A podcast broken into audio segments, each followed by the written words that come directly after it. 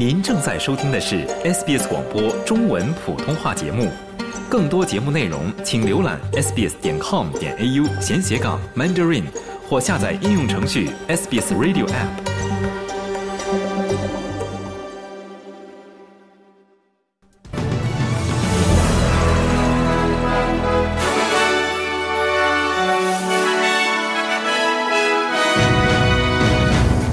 将召开党团会议讨论生活成本压力问题。黑色素瘤患者将可使用新的抗癌药物。伊朗革命卫队成员在以色列的袭击中丧生。澳网爆冷，女单世界第一被淘汰出局。以下是新闻的详细内容。据悉。总理将在议会复会前两周召回工党同僚，讨论生活成本压力问题。工党党团将于本周三一月三十一日在堪培拉举行会议，包括通货膨胀和能源成本在内的一些澳大利亚人面临的最紧迫的日常生活问题，预计将被列入议程。一些工党议员表示，这次会议是例行公事，因为人们担心通货膨胀会使利率明显高于 COVID-19 大流行时期的水平，而且能源成本也会因国内外因素而攀升。社会服务部长李什沃斯表示，他坚持政府的生活成本政策，包括增加租金补助、能源退税和价格上限，并驳斥了采取紧急措施的建议。We need to see inflation coming down, and so finding cost of living relief um, that doesn't add. 我们需要看到通胀下降，因此找到不会增加通胀挑战的生活费用减免措施是我们政府一直非常关注的问题。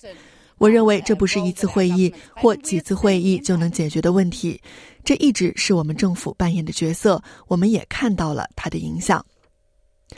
患有复发性黑色素瘤的澳大利亚人将有一种新的治疗方案，该方案将得到药品福利计划 （PBS） 的补贴。晚期黑色素瘤患者将可以报销一种名为奥普杜拉格的治疗费用，这是一种免疫疗法组合，可以帮助人体对抗癌症。奥普杜拉格将于二月一日起在该计划下上市。联邦政府称，这款新上市的药物每年可使约九百四十名患者受益。昆士兰州居民被警告要密切关注天气预警。珊瑚海的一个天气系统预计将在今天结束前形成气旋。昆士兰州环境。负责人林纳德表示，昆州的救灾部门正在就这一威胁进行定期对话。在持续不断的暴雨中，澳大利亚洪水灾区将有更多的人被疏散。昆士兰州最北部的沿海地区再次进入警戒状态，这一地区仍在从十二月份 Jasper 气旋造成的创纪录洪灾中恢复。气象局的哈德利表示，尽管该系统发展缓慢，但可能会在未来几天内转变成一个严重的热带气旋。您正在收听的是 SBS 中文普通话节目。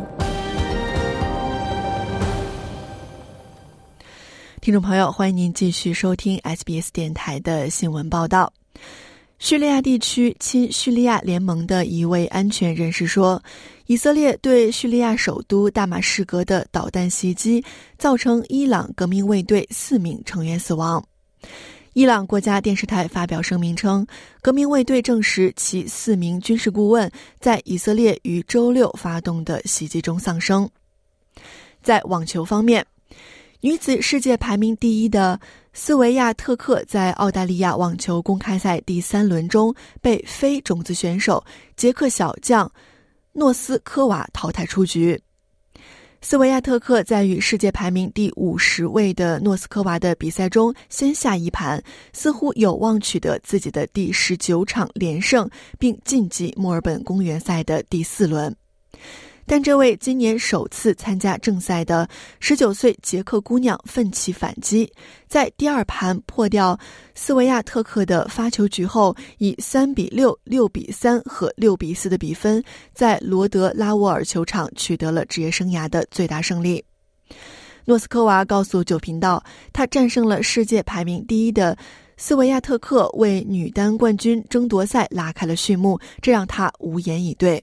I knew it's gonna be a, an, an amazing match with world number one and such a player, but I didn't really. 我知道这将是一场精彩的比赛，对手是世界排名第一的选手，但我真的没有想到会是这样的结果。但我真的很高兴能够进入下一轮比赛。接下来，我们再来关注一下国际货币市场。截止到澳大利亚东部夏令时早上的六点五十五分，在国际货币市场上，一澳元可以兑换零点六五九美元、四点七零六元人民币、五点一五五元港币以及二十点七二七元新台币。在今天新闻节目的最后，我们再来关注一下全国各主要城市今天的天气情况。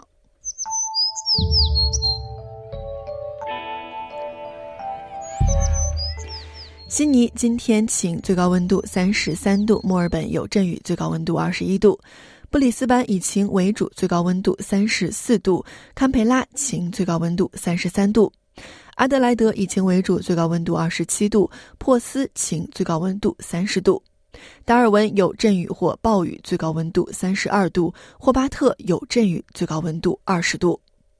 听众朋友，以上新闻是由林默为您编译和播报的，感谢您的收听。